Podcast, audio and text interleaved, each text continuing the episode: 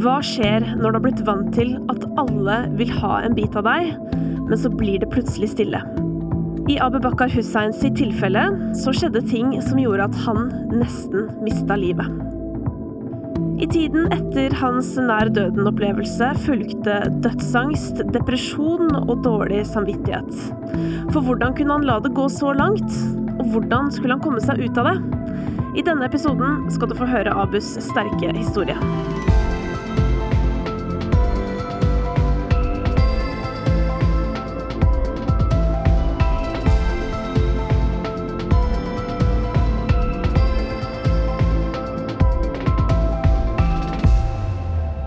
Hjertelig velkommen til deg, Abu. Tusen takk. Du, det er eh, litt rart å møte deg i denne sammenhengen.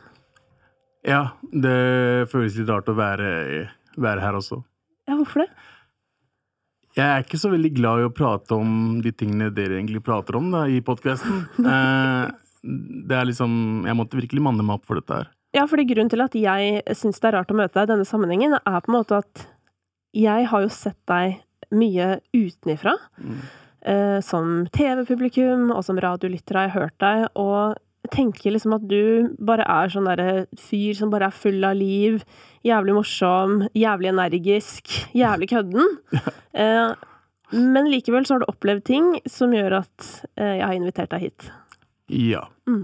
Um, jeg prøver å være uh, positiv og uh, morsom og energisk, og, men uh, helt til de, tingene som skjedde med meg, så Mm. var jeg det.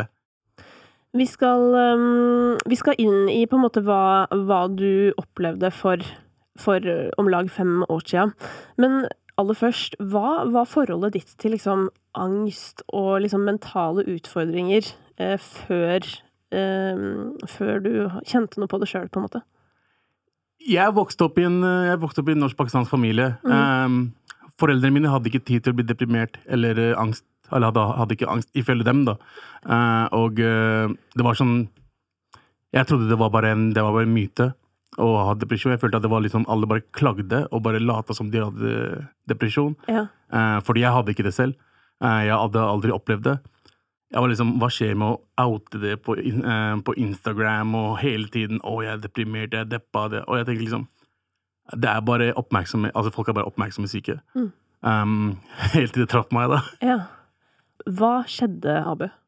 Jeg, jeg hadde nettopp eh, kommet meg i den bransjen her som komiker, Mm. og eh, det starta veldig bra.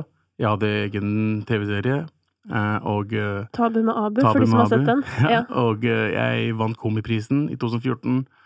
Og etter det så trodde jeg at alle liksom skulle ha tak i meg og bruke meg på sine ting, da. Mm. Eh, men det gikk en helt annen vei. Det, det gikk mer en uh, reality-siden, som jeg ikke egentlig ville gjøre. Eh, jeg var ung, jeg var 25 år gammel, og eh,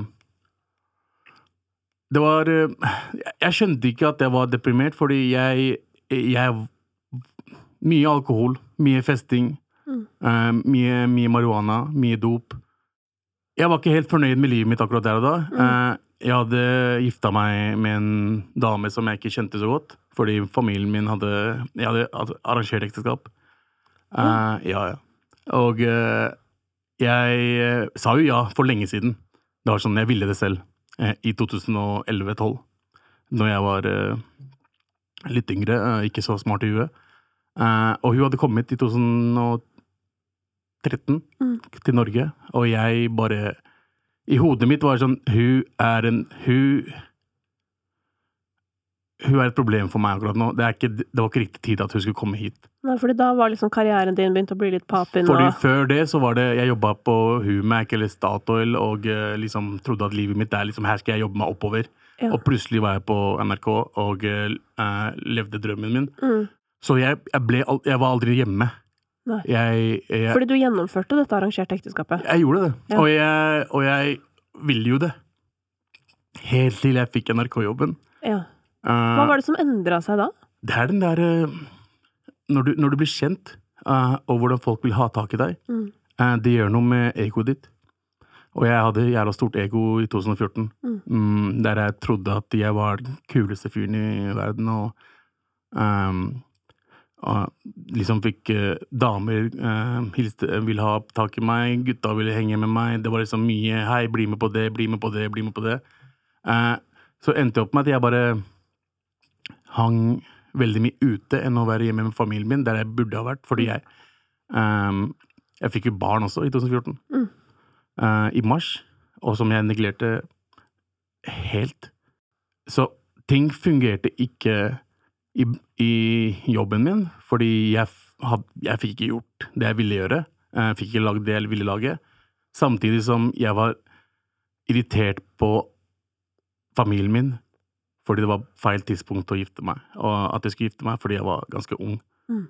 Uh, så det, det hatet jeg hadde liksom uh, mot familien min, og uh, det med gåsetegn kjærligheten jeg fikk fra alle sammen, Mm. gjorde noe med hodet mitt da. Tolker jeg det riktig hvis du da i det på en måte du Eller hva skal jeg si, denne jubelen har lagt seg, da, eh, og du opplever at du ikke Altså, NRK vil ikke ansette deg videre.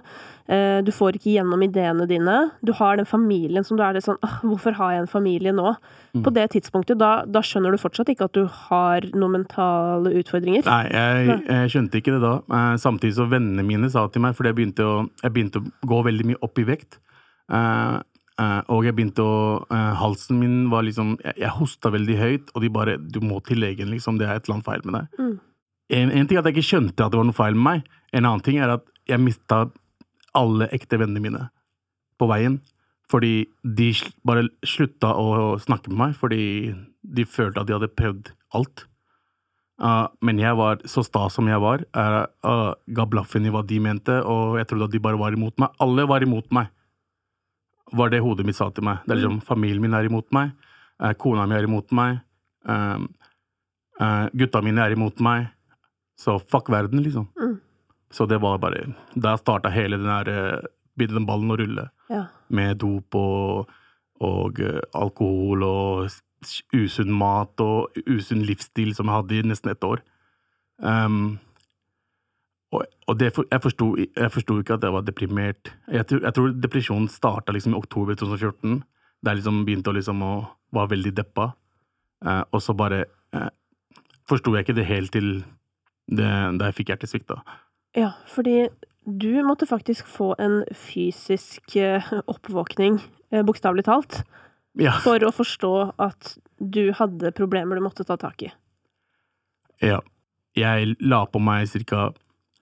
40-50 kilo i løpet av halvt år. Mm. Jeg klarte ikke å puste. Hvis man ser bilder av meg fra 2015 eh, høst, så ser man liksom at eh, jeg ser syk ut. Eh, øynene mine er lukka, jeg har røde skinn, og det liksom det, bare, det ser ikke helt normalt ut, da. I hodet mitt, jeg er bare feit. Mm. Ok, det er ikke noe annet enn det. Jeg er bare overvektig, og jeg klarer ikke å gå. Og samtidig så ble jeg verre og verre. Eh, endte jo med at eh, i, i jula eh, så overnatta jeg hos søstera mi. Eh, julaften og alt det der. Og eh, hun så på meg, hun bare Du må liksom Nå må du til legevakta, du ser ikke Det er et eller annet feil med deg. Mm. Så eh, svogerne mine tok med meg til eh, Lillestrøm, legevakta, og eh, eh, med en gang hun dama i resepsjonen så meg, hun bare du må, rett, du må bare gå rett inn, du. Mm. Jeg var ikke noe kø, noe som helst, fordi jeg svetta Mm. veldig mye, samtidig som jeg var andpusten av det lille jeg gikk. Det var snakk om fem minutter. De bare Du må til Ahus. Så svogerne mine kjørte meg rett til Ahus. Eh, Husk at jeg er 200 kilo. Jeg veide 200 kilo akkurat der og da. Eh, Det var natt, så det var liksom 12-1-tiden, kan du si. Og eh, de satte meg i et rom og begynte å liksom sette inn ting og begynte å Altså sjekke og ja. alt sammen, Mm. og putta en sånn um, oksygen i nesa mi, Ja. og så bare la meg vet nå, kan du bare slappe av, sov.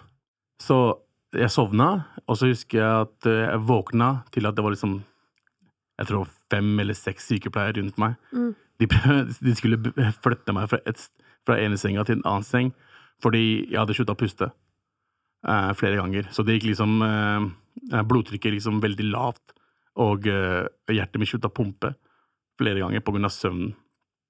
Så de tok med meg til intensiv behandling, og der ligger jeg med, med, leg, med eh, overleger og eh, eh, svogerne mine. Og de prøver å vekke meg hele tiden, fordi de mener at jeg Hvis jeg sover nå, så kommer jeg til å dø. Og, uh, det er mye jeg ikke husker fra den kvelden, men det jeg husker, er at uh, jeg ble jævla irritert at de drev og uh, De slo meg og liksom vekka meg hele tiden. Um, og jeg var ganske sikker på at jeg kom til å dø. Ja, fordi visste du hvor alvorlig Nei. på en måte sykdommen din fysisk var? Når han sa 'du kan ikke sove nå', da skjønte jeg Ja. at uh, jeg tror det skjer noe nå. Ja. Og så prøvde jeg, prøvde jeg å være våken, da, og um, Dette har eh, svogerne mine fortalt meg, at jeg sov, men de vekka meg eh, hele tiden, og dette holdt de på et par timer. Eh, de putta en maske på ansiktet mitt og dytta inn luft, for de hadde veldig mye CO2 i, i lungene mine. Fordi alt jeg pusta inn, kom ikke ut igjen. Og jeg røyka jo veldig mye den tiden. Mm. Så det hadde blitt gift eh, Altså, det var jævlig mye gift i, i lungene mine. Mm. Så de, de, i intensivbehandlingen så måtte de liksom dytte inn luft i lungene mine og få ut resten. Mm. Så de holdt på sånn et par timer. Og, og så døde jeg litt. Det var noen snakk om noen sekunder, jeg er ikke helt sikker, men de sa jeg var liksom helt borte. Og så klarte klarte de å vekke meg igjen. Uh, jeg husker ikke noe av det. Jeg husker bare at jeg lukka øynene, og det var sånn Det er sånn ormer du får eh, Du ser sånn ormer i, i øynene når du lukker det. Øynene, så er det helt mørkt, så er det sånn Ja, jeg kan noen ganger få sånn derre TV-skjerm, jeg. Eller du vet sånn derre ja, ja. Og det var dritmye av det. Men det var så behagelig å ligge der og sove. Så jeg følte liksom Det var liksom en av de mest behagelige tingene jeg hadde gjort i livet mitt.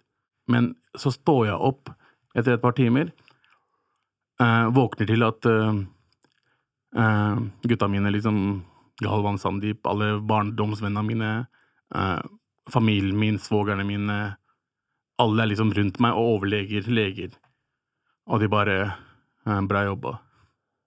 Du klarte det, liksom. Det Vi fikk ut alt sammen. Og jeg bare begynte å gråte. Fordi jeg, jeg ligger der, 200 kilo mann, eh, og bare innser der og da liksom Faen er det jeg har drevet med? Det starta liksom den, den heftige angsten jeg fikk, fordi rett etterpå så fikk jeg dødsangst, da. Eh, det verste tiden av livet mitt var liksom fra eh, etter jeg våkna eh, helt til 2018. 2016-2018, to år. Mm. Der jeg ikke hadde Der jeg ikke fungerte helt. Hver gang jeg så på noe der det hadde noe med døden å gjøre, eller eh, tenkte på døden i det hele tatt, så tenk, eh, det hele tatt, så tenkte jeg på mamma. Jeg tenkte mamma er gammel. Mamma kommer til å dø. Faren min er gammel. Søstrene mine, Eldstesøstera mi er ti år eldre enn meg. Hun kom til å dø snart. Så alt som hadde med døden å gjøre, gjorde at jeg, jeg ble veldig innestengt. Eh, hodet mitt fungerte på en måte at jeg ikke Jeg ville ikke være med noen lenger. Jeg, bare, jeg var i en egen verden. Jeg bare satt og bare syns Jeg syns ikke synd på meg, men jeg liksom Hva faen er det jeg har drevet med? Og liksom gikk inn i meg sjæl hele tiden og bare tenkte Folk har prøvd å si det til deg før. Du, du Hvorfor har du vært så sta? Um, og, og bare døden. Hele tiden døden. Jeg har alltid vært han fyren som er klovn. Jeg har alltid vært han klovnefyren som bare er der, prøver å kødde med alt sammen hele tiden. Prøver å få folk til å le. Det fantes ikke lenger. Jeg hadde ikke noe å gi lenger. Men når du sier at du liksom At du begynte å tenke så mye på, på døden, da. Mm. Hvordan, hvordan føltes det? Altså, hvordan forløp det, på en måte? Jeg som, Når jeg så Altså, når jeg tenkte på døden, så gråt jeg. Mm. Um, hver gang. Det er sånn Ikke, ikke at jeg hylgrein, men det er sånn Det kom et par tårer hele tiden, og jeg klarte ikke å stoppe det. Uh, mest på grunn av at jeg hata meg selv for hva, hva jeg hadde gjort. Jeg tenkte ikke på dattera mi. Eh, en liten jente, to år gammel. Tenk om jeg hadde dødd. Hvordan hadde det gått utover henne? Den følelsen er så vanskelig å forklare, fordi det er sånn Du vil stå opp og gjøre alt riktig igjen, men du klarer ikke å stå opp fra senga di. Så jeg lå i senga i hvert fall tre-fire måneder. Jeg var flau, på en måte, for at det skjedde med meg. Eh, jeg er ikke en fyr som snakker om følelser eller hvordan jeg har det med noen som helst. Ikke med vennene mine engang. Jeg begynte å plutselig bare grine hele tiden. Plutselig bare satt jeg og bare begynte å grine. Eh, og sånn holdt jeg på i et par Jeg tror det var april. Helt fra januar til april eller mars. Så dro jeg til legen. Jeg bestemte meg for å dra til fastlegen min. Mm. Veldig fin fyr. Eh, Hva sa du da når du kom til fastlegen? Jeg grein foran han. Ja. Nå, nå jeg sier jeg at jeg griner jævlig mye, faen, men det er sånn Høres, høres litt sunt ut med tanke på hva du har opplevd, spør du meg. Men eh, det kan vi jo Ja. sjekke med psykologen litt seinere. Jeg gikk bort til han, og jeg bare, jeg bare sa at eh, jeg må gjøre noe med livet mitt. Jeg kan ikke, jeg driver og Det ødelegger hodet mitt. Jeg kan ikke drive og tenke på døden, og jeg kan ikke drive og for det, og, så, og så spør han meg men hvorfor tenker du på døden hele tiden. Jeg bare, jeg aner ikke. Jeg vet ikke hva som greier. Så han sendte meg til psykolog, da. Mm. Um, så uh, dro jeg til psykologen. Igjen trodde jeg bare jeg er tull. Uh, fortsatt så tror du at ikke psykiske problemer jeg, er en greie. Jeg, jeg var veldig sta. Som sagt, jeg, jeg prøvde å være han fyren som Nei, jeg er ikke, jeg er ikke deprimert. Jeg er ikke det. Mm. Eh, Dette viser litt over hvor dypt sånne holdninger og Eller hvorfor hvor holdningsarbeid er vanskelig. helt riktig. Ja. Det, det ligger dypt, Ja. uh, de greiene der. Og dro jeg til uh, um, psykolog. Ung fyr. Jeg tror han var sånn to år eldre enn meg eller noe. Ja. Um, men han bare Jeg er ikke her for å uh, si hva du skal gjøre, eller hvordan du skal tenke. Hva har du lyst til å prate om? Mm. Vi, jeg tror jeg var hos han tre eller fire ganger, og så sa jeg til han, vet du hva Jeg tror det holder, jeg. Jeg tror takk. Jeg tror det her trengte jeg. Dagen etter det jeg var hos siste gang jeg var hos psykologen, så dro jeg til legen igjen. Jeg bare yo, jeg må gjøre noe med vekta mi. Ja. Sånn asap. Jeg kan ikke drive og For jeg klarer ikke å gå. Altså, jeg må bli tynnere. Mm. Eh, Så han sendte meg Han, eller, han, han sendte meg til utredning til uh, sykelig overvektig. Mm. Uh, og eh, der starter den ballen å rulle. Ja. Og, og så møter jeg Mayo. Som er en venn av deg. Som, Som- også er litt kjent fra Er det Paradise Hotel, eller? Det er Paradise Hotel. Ja. Eh, Mayo Veldig kjent for setningen 'livet er et lære'. Man må alltid lære. Ja. Mayo kjente jeg ikke før. Ma, eh, men vi fulgte hverandre på Instagram. Mm. Og eh, det var i august 2016 da jeg bare spurte han Du, jeg trenger litt hjelp med trening. Eh, kan du hjelpe meg med det? Fordi jeg har ikke noen å trene med, eller jeg, jeg, jeg trenger motivasjon. Mm. Og han bare ja, ja, herregud, kom igjen, da! Jeg henter deg. Og så bare driver vi og trener. Ja.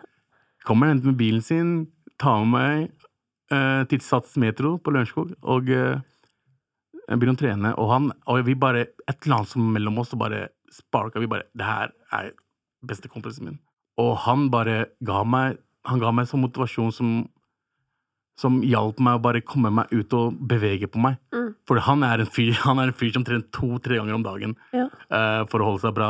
Fordi han vil se bra ut uh, mens han er naken, er det han sier. Ja. Og uh, når han gjorde det, og samtidig som jeg, jeg var hos utredning hos uh, Sykelig overvektig, ble jeg sendt til Nimi på Hønefoss, som er eh, for overvekta. Litt sånn bootcamp for overvekt. Ni uker. Og det hjalp meg å kjempe med hodet mitt og hele pakka, for jeg jeg hadde- gått ned sånn 38 kilo eller noe. Og da tenker jeg liksom hei, nå er jeg tilbake. Ja. Men når jeg, Men når jeg møter eh, gutta mine for å Hei, la oss begynne å jobbe igjen. La, jeg må gå og pitche et eller annet sånn. Jeg er ikke morsom på den måten. Jeg stresser. Hvis, pod, hvis vi driver og spiller inn podkast, så, ikke- så klarer ikke jeg å levere som jeg pleide å levere. Og jeg følte det veldig i meg. Gutta um, Galvan er, er en snill fyr, men når han er hard mot deg, så er han hard mot deg. Men jeg hadde aldri, aldri følt meg liksom at jeg ble mobba. Men jeg følte at jeg ble mobba, og, det, og jeg vet jeg ikke, ikke ble mobba, fordi jeg kjenner gutta veldig godt. Mm. Men det er sånn Hodet mitt sa, vet du hva, du er ikke, du er ikke bra nok Mm. Til å være her. Så hver gang vi hadde en eh, For da begynte vi med podkasten, med all respekt på NRK P13. Uh, jeg beklager. Hashtag reklame. Hashtag reklame. Uh, uh, starten av hvis, du, hvis man hører gjennom seks måneder av de første seks månedene, Mm. så bare hører man at jeg er ikke der. Jeg er ikke der på den måten jeg pleier å være. Vitsene mine Jeg tør ikke å si de vitsene jeg pleier å si. Så det er kjemperart at du forteller dette. Fordi jeg har jo hørt på dere alltid. Ja. Og, og det, er, ja, det er så rart at du sier det. Fordi at det er jo forskjell på deg fra starten Det er det. til Hvis du, hvis du har hørt meg fra starten og hører meg liksom siste mm. årene nå, mm. stor forskjell. Og du tar Altså, og dette er jo da et radioprogram med, med fire programledere, Mm. eh, og du, du På begynnelsen så jeg, jeg, jeg tenkte Jeg reagerte på at du tok så liten plass til deg å være. Mm. Eh, Og så er det skikkelig rart at du sier det nå, at dette er så viktig. Fordi det er sånn um, Det er jo ikke sikkert andre har tenkt over det, fordi andre kanskje ikke har sett så mye på deg, eller Nei. kjenner liksom hvordan du jobber. Mm. Men det er så viktig å vite, altså, vite at liksom alle har sitt. Eller du vet sånn derre yeah. Der sitter du, og du prøver, men du får det liksom ikke helt til. Og det er ikke fordi du har mista det, eller at du suger, eller sånn, men det er bare sånn Du er jo ikke deg selv. Nei. Jeg, jeg, jeg tenkte for mye. Hver gang jeg hadde innspilling, så dro jeg hjem og bare liksom så på meg selv og bare tenkte faen, du er, du er en taper, du. Jeg har jo lyst til å levere, og jeg vet jeg kan levere, men jeg klarer ikke å få det ut av meg. Uh, gutta kødder jo om det, og det er det vi gjør med hverandre. Vi roaster hverandre. Ja. Ikke sant? Men roastinga til gutta mine føler jeg på Føler jeg veldig mye på innsiden. Altså, jeg føler at de faktisk hater meg. Mm. At hei, faen, de er bedre enn meg, og jeg er null. Og det, det ødela meg ganske mye i første seks månedene. Karina Carl, Ja, du, eh, velkommen eh, til praten. takk. Du har jo hørt oss eh, hele veien, og historien til Abu, og hva, hva, altså, hva har du følt underveis? Mye. Eh, Det er en sterk historie. Det er en veldig livsbekreftende historie. Eh, Og det er mange ord man kan sette på det. Det er et mot. Eh, Det er en ærlighet. Eh, Du setter ord på så mye som vi mennesker kan erfare, da. Ikke Mm. Og gjør det, det menneskeliggjør det, tilgjengeliggjør det, og det vil jeg berømme deg for. At du tør å sette ord på det man også helst ikke vil si. Tusen takk. Eh, Rett og slett. Styrke. Jeg syns jo noe av liksom det jeg kanskje merker meg mest med det du forteller, Abu, det er jo egentlig det som skjedde uh, i Du er utrolig god på årstall, forresten, det skal du ha. I 2014. Um, som da er etter at du har opplevd liksom stor suksess, og så plutselig dør det litt. Mm. Ikke sant? Og jeg bare, altså Ikke for å sammenligne deg med Petter Northug, men bare sånn den der greia av at the spotlight har vært på deg Mm, hele tiden, alle vil ha det, og så er det ferdig, liksom. Eller sånn. mm. Det blir noe helt annet, da. Det føler jeg tukler litt med verdiene våre. Altså dette med hva er det som egentlig er viktig. Det er akkurat det. Og det virker det som du på en måte mista helt når du fikk suksess. Eller hva skjedde egentlig? Jeg var, jeg var ung. Jeg var hvor gammel? 24 år gammel når det skjedde. Jeg skulle ønske Nå sier jeg det bare, men jeg skulle ønske NRK hadde et eller annet system Mm. Der de kunne hjelpe sånne som meg, fordi jeg følte meg virkelig utafor. Mm. Uh, og jeg følte meg veldig kasta ut av NRK. Uh, jeg skulle ønske det var noen der som bare satte meg på plass. Mm. Uh, fordi jeg, jeg var for, litt for ung og litt for kjent akkurat. Ja, 24 år gammel. Ok, det som er greia er at jeg alltid vært overvektig. Jeg har aldri vært han der fyren som er kjekk i klassen. Jeg har aldri vært han fyren som får damene. Alle, alle vennene mine som jeg vokste opp med, studerte eh, medisin. eh, adv eh, noen ble advokater. Jeg var han fyren i gjeng, barndomsgjengen min som ikke skulle klare seg. Så når jeg først klarer det, det jeg har lyst til å gjøre, det gikk kanskje litt for mye i hodet mitt. Ja. Du mistet du bakkekontakten litt? Jeg mistet bakkekontakten. Det er det jeg gjorde. Tror du det er noe som kunne liksom fått deg til å få bakkekontakt på den tiden? Eh, nei. Nei. Jeg var i en e- egen verden. Jeg var i en helt annen greie. Så høy jeg var på meg selv, tror jeg ikke noe hadde funka i det hele tatt. Nei. Fordi det er, jo, det er jo så mange historier om suksessrike folk som faller, ikke sant? Mm. Fordi at spotlighten blir slukka, Ja. og så kommer de vonde følelsene. Og Mm. jeg tenker jo ofte på det når jeg ser på reality. Bare sånn åh, stakkars dere. Ja, når dette er ferdig, på en måte. Fordi for de fleste er det ikke en karriere etter det. Nei. Det var det, liksom. Og så prøver man sånn desperat forsøk på å holde seg relevant. Uh, og det er jo da det liksom er så viktig å huske på det der med hva er det som er viktig i livet? Mm. I et helt liv på 90 år, Ja. er det viktig at du er kjent? Absolutt ikke. Jeg Nå bryr jeg meg ikke om de tingene lenger. Men dessverre, for å få jobb, Mm, så må jeg være kjent. mm, Uh, Men det er ikke viktig for meg å være kjent lenger. Jeg drar ikke på eventer, jeg drar ikke ut lenger. Jeg er sjelden jeg er ute og fester. Jeg, jeg er mye med familien. Men jobben jeg gjør, er veldig viktig for meg, så jeg jobber veldig mye. Men Karina, når du hører uh, Abu fortelle om om liksom tida etter suksessen, da, hvis vi kan kalle det det. Nå er, det jo, er han jo oppe og nikker igjen, da, så, men altså Den perioden, da, og, og, sånne her perioder har vi alle i livet. Perioder hvor vi bare føler at det her funker ikke. Det Mm. går ikke. Jobben min suger, eller jeg suger, eller jeg vet da faen hvem som suger. Alt suger. Mm. Um, og når du da hører han fortelle om hvordan han deala med det, altså uh, Skyver alt som er nært, vekk. Uh, nærmest liksom selvmedisinering. Du tenkte kanskje ikke på det som det på den tida, men, men liksom rus, da. Rus. Hvor, hvor vanlig er denne historien for deg som psykolog?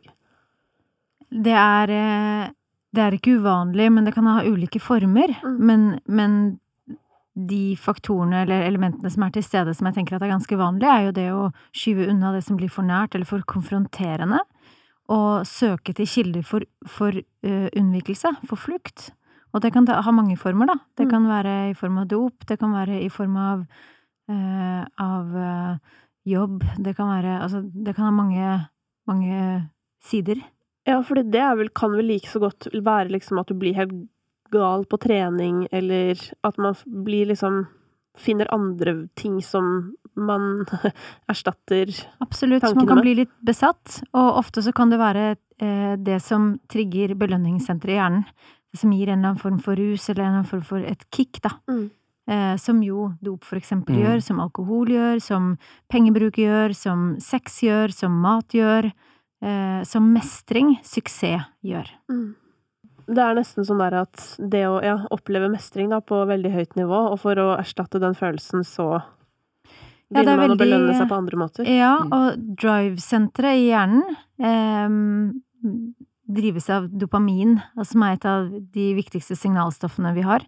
Eh, og, og eh, gjør at vi vil ha mer, vi vil bli motiverte, vi blir eh, Det virker godt på oss, da. Vi vil ha mer av det. Mm. Vi blir høye. Men jeg er jo igjen litt sånn derre Sitter liksom og tenker på sånn Hvordan tenkte du ikke at det var et alternativ? At du var deprimert, på en måte? Fordi, fordi for, for meg, da, så ville jeg jo gått rett dit, på en måte. Er, men det virker som det er generelt vanskelig for folk, Karina, å, å på en måte forstå første gang man møter en depresjon.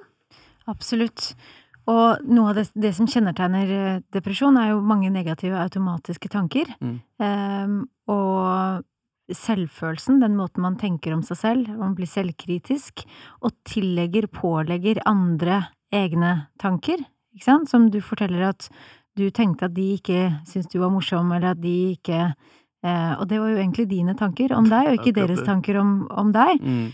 Eh, lav mestringsfølelse, lav eh, tro på, at, eh, på seg selv, at man kan få det bedre, mangel på glede. Og depresjon er mye mer sammensatt enn det å bare eh, være trist. Eh, man kan være sint, man kan være irritabel, eh, kjenne på mange andre følelser i tillegg. Mm. og store følelsesutsving. Eh, men kjennetegnet er spesielt da, mange negative automatiske tanker, og de setter jo følelsesmessige avtrykk som gjør at vi tror på de tankene også. Vi tror jo reelt at vi ikke har noen verdi, Mm. eh, at eh, det ikke er noe poeng at vi er her, kanskje. Altså kan få mange sånne negative, destruktive tanker. Når er det du føler at liksom depresjonen og angsten din har hindra deg mest i, i å leve livet ditt? Det var nok eh, første seks månedene var de verste. Etter hjertesvikten? Etter hjertesvikten? var det kanskje den verste tiden. På hvilken måte liksom hindra de deg? Jeg sto ikke opp. Nei. Jeg ville ikke opp og gå noen steder. Jeg ville ikke møte noen. Eh, eller jeg ville jo møte noen, men jeg, jeg, jeg følte at jeg ikke At jeg var en At jeg, at jeg har vært for dusj. At jeg liksom At jeg ikke fortjente å møte noen. Mm. Så det var mer sånn, jeg, jeg var ikke mye ute. Jeg hadde noen venner jeg snakka med av og til, og de prøvde å få meg ut hele tiden, men jeg var sånn Det jeg har ikke lyst. Så jeg var mye inne første seks månedene. Mm. Dette her er det som er så grusomt med depresjon. Det er det det. er sånn der, Det er liksom Det er så ekstremt selvforsterkende. Man sitter jo så jævlig fast i saksa. Og så har du de tankene i hodet hele tiden. Du har tanker hele tiden. Det er sånn, Jeg, jeg fikk ikke ro. Uh, jeg klarte ikke å sove ordentlig. Um, som også var en grunn til at jeg begynte at jeg røyka Mm. uh, marihuana. Fordi det fikk meg til å sove. Mm. Det bare gikk ikke bort. De tankene gikk ikke bort. Og det er sånn, faen, hva skal jeg gjøre? Hva, liksom, det, det er ganske jævlig, ass. Men Karina, eh, dette med, med når Altså, angst kan jo også ofte bli til depresjon, fordi at angsten kan eh, hindre deg i å for eksempel gå ut, da, ikke sant? Mm. Eh, som det jo også holdt på å gjøre for meg, at jeg merket at jeg begynte å isolere meg fordi hva hvis? Sett inn alle katastrofescenarioer du kan komme på. Eh, og hva hvis jeg på en måte er Og nå ødelegger jeg for alle, og ja, alt det her. Og da var det lettere å være alene, ikke sant. Mm. Så er du alene, da. Og da begynner jo Jøss, her sitter jeg aleine. Jeg har ingen venner, ja. Nei. Nei. Nei, men er, hvorfor er jeg her, egentlig? Eller er det Ikke sant? Og, og da kan jo angsten ekstremt kjapt bli til en lettere depresjon. Mm. Og, og det er jeg helt sikker på at det er mange der ute som er i akkurat Altså i den situasjonen akkurat nå. Hva gjør man, liksom? Jeg har lyst til å ufarliggjøre det, Mm. og sette det litt i en logisk sammenheng også, som, eh, hvor jeg tenker at eh, hvis angsten dominerer livet ditt så mye at den hindrer deg å leve livet ditt på den måten du ønsker deg, eh, i tråd med det som er det viktigste for deg, vi har vært inne på verdier, Mm. ikke sant, da blir jo depresjonen et signal om at du må gjøre noe. Så hvis vi setter det i, i en sånn sammenheng, så kan depresjonen bli ufarlig. Fordi at vi mennesker er også øhm, Vi er liksom behagelige øhm, Altså, vi trives ofte i det som er behagelig, så ting må være tilstrekkelig vondt eller vanskelig før vi tar tak. Og depresjon er så grusomt og så forferdelig at da blir vi nødt til å ta tak og, og snu på livet vårt og gjøre noen justeringer. Mm. På den måten så kan man også se at, at depresjon blir en form for veiviser, eller en oppvekker, da. Eh, Som gjør at vi, at vi stiller spørsmålstegn ved noen ting. Og hvis angsten er så dominerende at du ikke kan leve livet ditt i tråd med det som er viktig for deg, så skal du jo kjenne det. Du skal jo få de signalene. Mm. Sånn at vi ikke blir redde for, eller altså at man ikke skal gå og være engstelig for å, å bli deprimert. Men hvis det skjer, så er det en grunn til det. Og det er løsbart fordi motgang viser vei. Mm. Jeg skjønte at jeg er deprimert, men det er sånn Hvorfor klarer ikke jeg å svare når noen spør meg om noe? Hvorfor klarer jeg liksom ikke For én ting var at jeg følte meg ikke morsom, en annen ting er at jeg bare Jeg var redd for å si noe, Mm, og det ikke er morsomt. mm. Så jeg turte ikke å si ting. Så Ja, det blir jo en litt sånn prestasjonsangstgreie, du nesten. får det, du får prestasjonsangst i tillegg til at du er Du tror du er dritt. Mm, Så da sitter jeg bare der og hører på gutta prate, mm, og ler. Det Og er jo depresjonens natur. Ja. Vi føler oss da, altså i en depressiv tilstand, um, uviktige, uvesentlige, uh, uten verdi. Jeg har ikke noe å komme med, jeg har ikke noe å bidra med, jeg kan Mm. ingenting. uh, og tror faktisk på det. Det er depresjonens natur. Den har en agenda med å få deg til å føle deg som et dårlig menneske, som ikke har noen verdi, som ikke betyr noe, som ikke kan noe. Fader, for en snik. Ja, fy faen. Guri land. Men det jeg også uh, syns er litt uh, rart og spennende med din historie, er jo på en måte hvor lite hjelp du egentlig har hatt av, av psykologer, da. Mm. Hva tror du er årsaken til det? Jeg tror personlig at det er uh, Jeg kanskje var litt sterkere enn det jeg trodde jeg var. Uh, jeg, jeg, jeg har ikke trengt noen piller. Jeg har ikke trengt uh, så mye psykologhjelp. Men jeg følte at jeg er sterk nok til å klare dette her. Eh, når det først skjedde. Men um, etter hvert så begynte vennene mine å komme tilbake. Mm. Og da hadde jeg noen å prate med hele tiden. Mm. Mayo, igjen, Mm. fantastisk fyr å være rundt. Han gikk gjennom shit, jeg gikk gjennom shit, og vi bare var der for hverandre. Mm. Og jeg har sagt det før også til mange, hadde det ikke vært for Marius, så hadde jeg ikke blitt meg selv igjen. Eh, altså Hvis han hører på, jeg elsker han fyren der, liksom. Det er, eh, han, eh, han gjorde at jeg kom tilbake. Mm. Eh, derfor trengte jeg ikke psykolog. Men det sier jo også ekstremt mye om viktigheten av å sette ord på, Mm. eh, og prate om ting. Um, og tenk hvor heldig du er når du kan fortelle om hvor vanskelig du har det, Mm. og du faktisk blir møtt. Ja. Fordi jeg tipper jo at du på et eller annet tidspunkt har tenkt kanskje sånn Hvis jeg sier hvordan jeg har det nå, så går alle. Ja. Det gidder ingen å høre på. Nei. Ingen liker følsomme gutter. er det jeg tenkte hele tiden. Ja. Eh, Så det var godt å prate med han. Men det, og, og i tillegg, så Når jeg ikke ville ut, så dro han med meg ut. Mm. Jeg står utafor, kom ned, vi går og trener. Mm. Men dette er jo også, det er også normaliserende i forhold til sånn Noen må gå til psykolog et helt liv, kanskje, og, og Mm. opplever det som, som godt. Jeg bare rekker opp, jeg bare sier det, men der har du meg, da. Eh, og så har du andre, liksom, ja, som deg, da, som har Du skal jo riktignok sies at når du har vært på rehabilitering med overvekten og sånn, Ja, så har du også vært psykolog, så du har jo på en måte fått litt eh, input der òg. Mm. Men at liksom gangen i, i Hva skal jeg si Den mentale reisen kan ha Mm. så mange former, da, Karina. Vi er forskjellige. Vi har ulike behov. Um, også selv om vi kan ha samme diagnostiske kriterier, kan møte de, altså det vil si at vi deler de samme symptomene, Mm. så kan vi ha ulike behov likevel. Og jeg tenker det er noen grunnleggende elementer her, da. Vi trenger å eh, føle oss verdifulle i et annet menneskes øyne, oppleve tilhørighet. Helt grunnleggende så trenger vi det, og det er jo det jeg hører at du, du opplevde i møte med Mayo, Ja. eh, spesielt.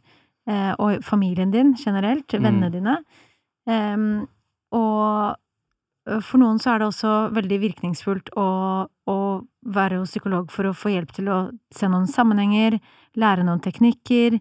Um, kanskje man ikke har de nære, fortrolige relasjonene. Mm. Um, eller kanskje er det noen ting man går og tenker på eller bærer på som man ønsker å snakke med en psykolog om, heller enn relasjonene sine, uh, fordi at det ikke nødvendigvis føles viktig i en sånn relasjonell sammenheng. Mm. Det kan være så mange former, så det er så viktig å si at de, den ene måten ikke er noe riktig eller bedre enn en annen.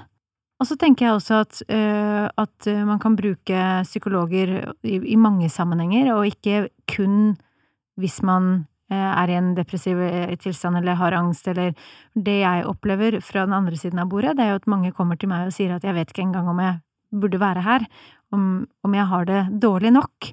Og det synes jeg også er så viktig å adressere, da. At har du et ønske om å gå til psykolog, eh, samme om du møter kriteriene for en, eh, for en eh, psykisk lidelse eller ikke, det er ikke viktig. Men hvis det er noe som kan hjelpe deg, så tenker jeg Mm. at eh, det er det som er essensen. Ja, det er, og det er jo litt av grunnen for at jeg har bare tenkt sånn Jeg går til psykologen, jeg, som jeg går på trening, liksom. Jeg går litt oftere på trening, da, bare så det er sagt. Men, Se det som mental hygiene. Ja, Ja. og liksom at det kan Også noen ganger så har jeg behov for å deale med min angstproblematikk, og Mm. andre ganger så er det mer sånn en release eller en utvikling eller er bare et eller annet, liksom. Det er i hvert fall sånn det er, Og jeg syns jo det er helt ekstremt digg at det er så ufarliggjort. Ja, det var ikke det før. Nei, nei. Nå er det sånn- sånn du kan si på jobben sånn Da kan jeg ikke, for da skal jeg Til psykologen, da, så det passer litt dårlig. Det er ganske greit til oss enn å det skal være tabubelagt. Ja.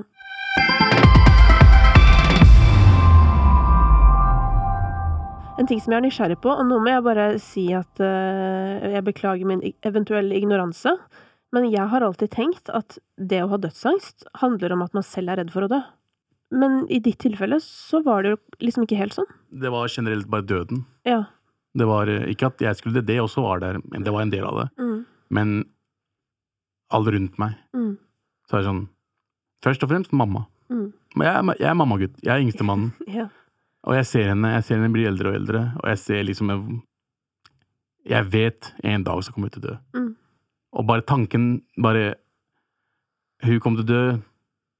Resten av familien min kom til å dø. Jeg er yngstemannen. Bare tanken av ikke, ikke ha dem nær meg, Mm. var det som ga meg angst. Mm.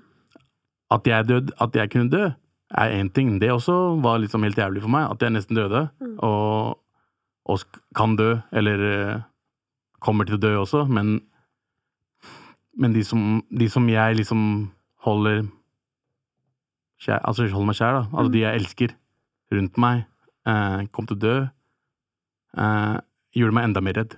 Ja, for dette, Karina, dette er jo noe annet enn enn at man innimellom tenker på sånn 'Å nei, tenk hvis jeg mister mine nærmeste', eh, når det blir så altoppslukende.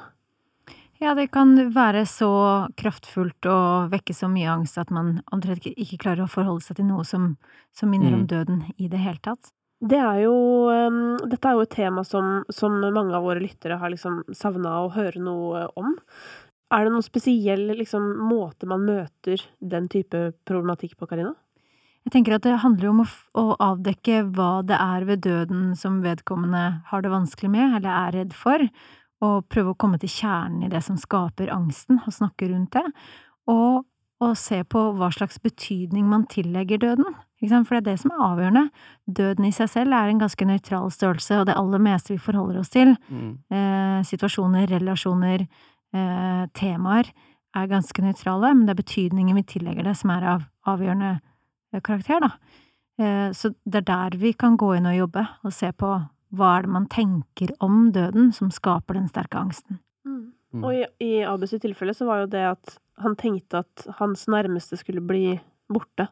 På mange måter så kan døden minne oss nettopp om livet. Mm. Om det vi har, om det vi er mest takknemlige for, om det som betyr mest, apropos verdier igjen. Mm. Ja, og der fikk jo du en eh, bokstavelig talt igjen oppvåkning. Det, det er barna mine. Ja. Hva er det som er viktigst i livet mitt? Jeg vil se barna mine vokse. Ja. Det var egentlig det som gjorde at jeg sakte, men sikkert kom tilbake der jeg var. Ja. Jeg ble glad. Jeg, ble, jeg tenkte mer på dem, og jeg tenkte liksom Og plutselig bare død, dødsangsten bare gikk bort. Sakte, men sikkert. Det er veldig fint å høre når du forteller om at du leker med din iste datter. Eh, både det at du liksom ser, ser liksom deg i hun, men også det her med bare hvor oppslukt du blir i det. Ref på en måte å få fokus ut av eget hode, da. At liksom det skjer noe her borte. Det er en Ja. liten unge her som driver og har lyst på pappaen sin, liksom. Og har lyst på den, den eh, pappaen som følger med. Ja. Den klemmen du får når du kommer hjem. Mm. Det er ingen som elsker deg mer enn barna dine og moren din. Hvorfor skal jeg tenke på døden hele tiden når jeg har barna mine her som jeg kan leve med? Og den klemmen, Mm. den er jo der uh, uansett hvordan det går med din karriere. Yep. Denne opplevelsen du har hatt med, med både å nesten miste livet Mm. og påfølgende uh, angst og, og depresjonene du har opplevd, hva vil du si at det er det beste som har kommet ut av det? Det beste er nok eh, at jeg har innsett at ting er viktigere enn å være kjent. Mm. Det, jeg har innsett at jeg var en tulling. jeg har innsett at jeg tok mange feil valg. Uh, og samtidig så har jeg innsett at jeg er her på grunn av familie og gode venner, og det er de jeg burde Det er der fokuset mitt burde være. Man må først bare innse at man har tatt feil. Det er første, liksom, eh, første steget. Mm. Og eh, å være mann nok til bare å eh, innrømme det. Mm. Og det gjør jeg hele tiden nå. Hvis jeg gjør noe feil nå, så innrømmer, jeg det, og så sier jeg unnskyld. Mm. Og det kan hende at jeg for eksempel gjør noe fucked up shit igjen, men unnskyld. Mm. Sorry, det var ikke meninga. Man, man er ikke lite mann for det. Den der hele mann-greiene er bare bullshit. Mm. Jo mer følelser, vis hverandre mer følelser. Si, fra, si til bestevennen din at du er glad i han. Mm. Si til, uh, si til uh, mammaen din at du savner henne. Altså generelt å sette folk i bås er jo eh, ikke spesielt eh, bra, tenker jeg. Ja. Og det at menn skal være tøffe, er jo en ganske eh, lammende bås, vil jeg si. For det blir jo Veldig. veldig vanskelig. Veldig. Men det jeg tenker også om denne historien, Abu, er bare Eller det at du på en måte forteller og er så åpen, er jo også bare det der å vise at liksom Det, det er lov å feile, liksom. Yeah. Det er, du har gjort eh, ting. eh, Du har eh, faktisk holdt det gående overraskende lenge med den dårlige greia di, vil jeg si. Så Mm. lenge at du faktisk ikke forsto det før du nærmest døde. Mm. Og det håper jeg kan være til inspirasjon for andre som går rundt og tøffer seg noe jævlig og ikke tør å si hvordan de egentlig har det. Ja. Det, jeg tror man skal feile for å lære av feilen sin. Mm. Jeg tror meninga er at man skal feile. Mm. Så feil i vei. Mic drop. Ja. Når psykologen tar mic drop, da er det, da er det bra mic drop.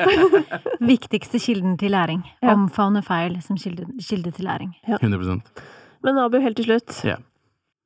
Hva tenker du om kona di, da? Jeg elsker kona mi nå. Mm. Jeg eh, Det er uh, moren til barna mine. Mm. Uh, hun var der når ingen andre var der. Mm. Uh, og hun har ofra mye mer enn det jeg har ofra. Mm. Og vi er veldig mye kjærlige til hverandre. Mm. Og tok litt tid, men innså det til slutt. Mm. Jeg har en fin familie. Mm. Du er heldig. Jeg er veldig heldig. Mm. Det er jeg. Tusen takk til deg, Abu. Takk for at du kom. Eh, Det var, Det var, litt, det var litt spesielt å se deg snakke om det her, og at du liksom At du er litt sånn nervøs og ja, jeg, jeg alltid Altså, jeg har snakka om veldig lite Ikke så dypt inn som vi gikk nå, Nei. men jeg, jeg har snakka om det før. Men hver gang så Jeg, jeg, vet ikke. Det er et eller annet som skjer med meg. Men eh, jeg føler meg bra nå. Mm. Så det sånn Det var fint å bare få ut et par ting. Mm. Og det som også er så interessant, er at idet du tar masken av, på en måte Mm. eh, Misforstå meg rett, jeg oppfatter ikke at du har en maske til vanlig, men du er alltid liksom Du er jævlig på, morsom eh, um, Så er det bare det Altså, det, den effekten det har på meg, er jo bare at jeg tenker sånn Å, faen, Abu, ass. Fader. For en fyr, liksom. I stedet for at Ja, eh, og at jeg bare vil klemme deg, i stedet Mm. for at jeg bare har lyst til å gi deg en high five fordi du er morsom. Eller skjønner du? Ja, ja. Du blir bare enda finere og mer hel, da. Og det er sånn jeg reagerer når jeg får slippe inn og liksom får se hele deg. Ja. Ja. Det er jo bare en styrke. Jeg pleier ikke å gjøre det, vet du. Jeg er sjelden til å gjøre det der. Ja. Um, så du er en av de heldige. Tusen takk. Tusen takk for at jeg fikk komme.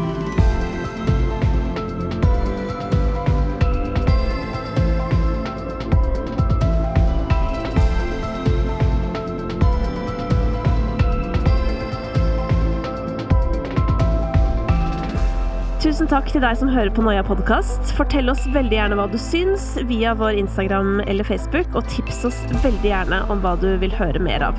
Tusen takk til Stiftelsen Dam og Rådet for psykisk helse som finansierer Noia.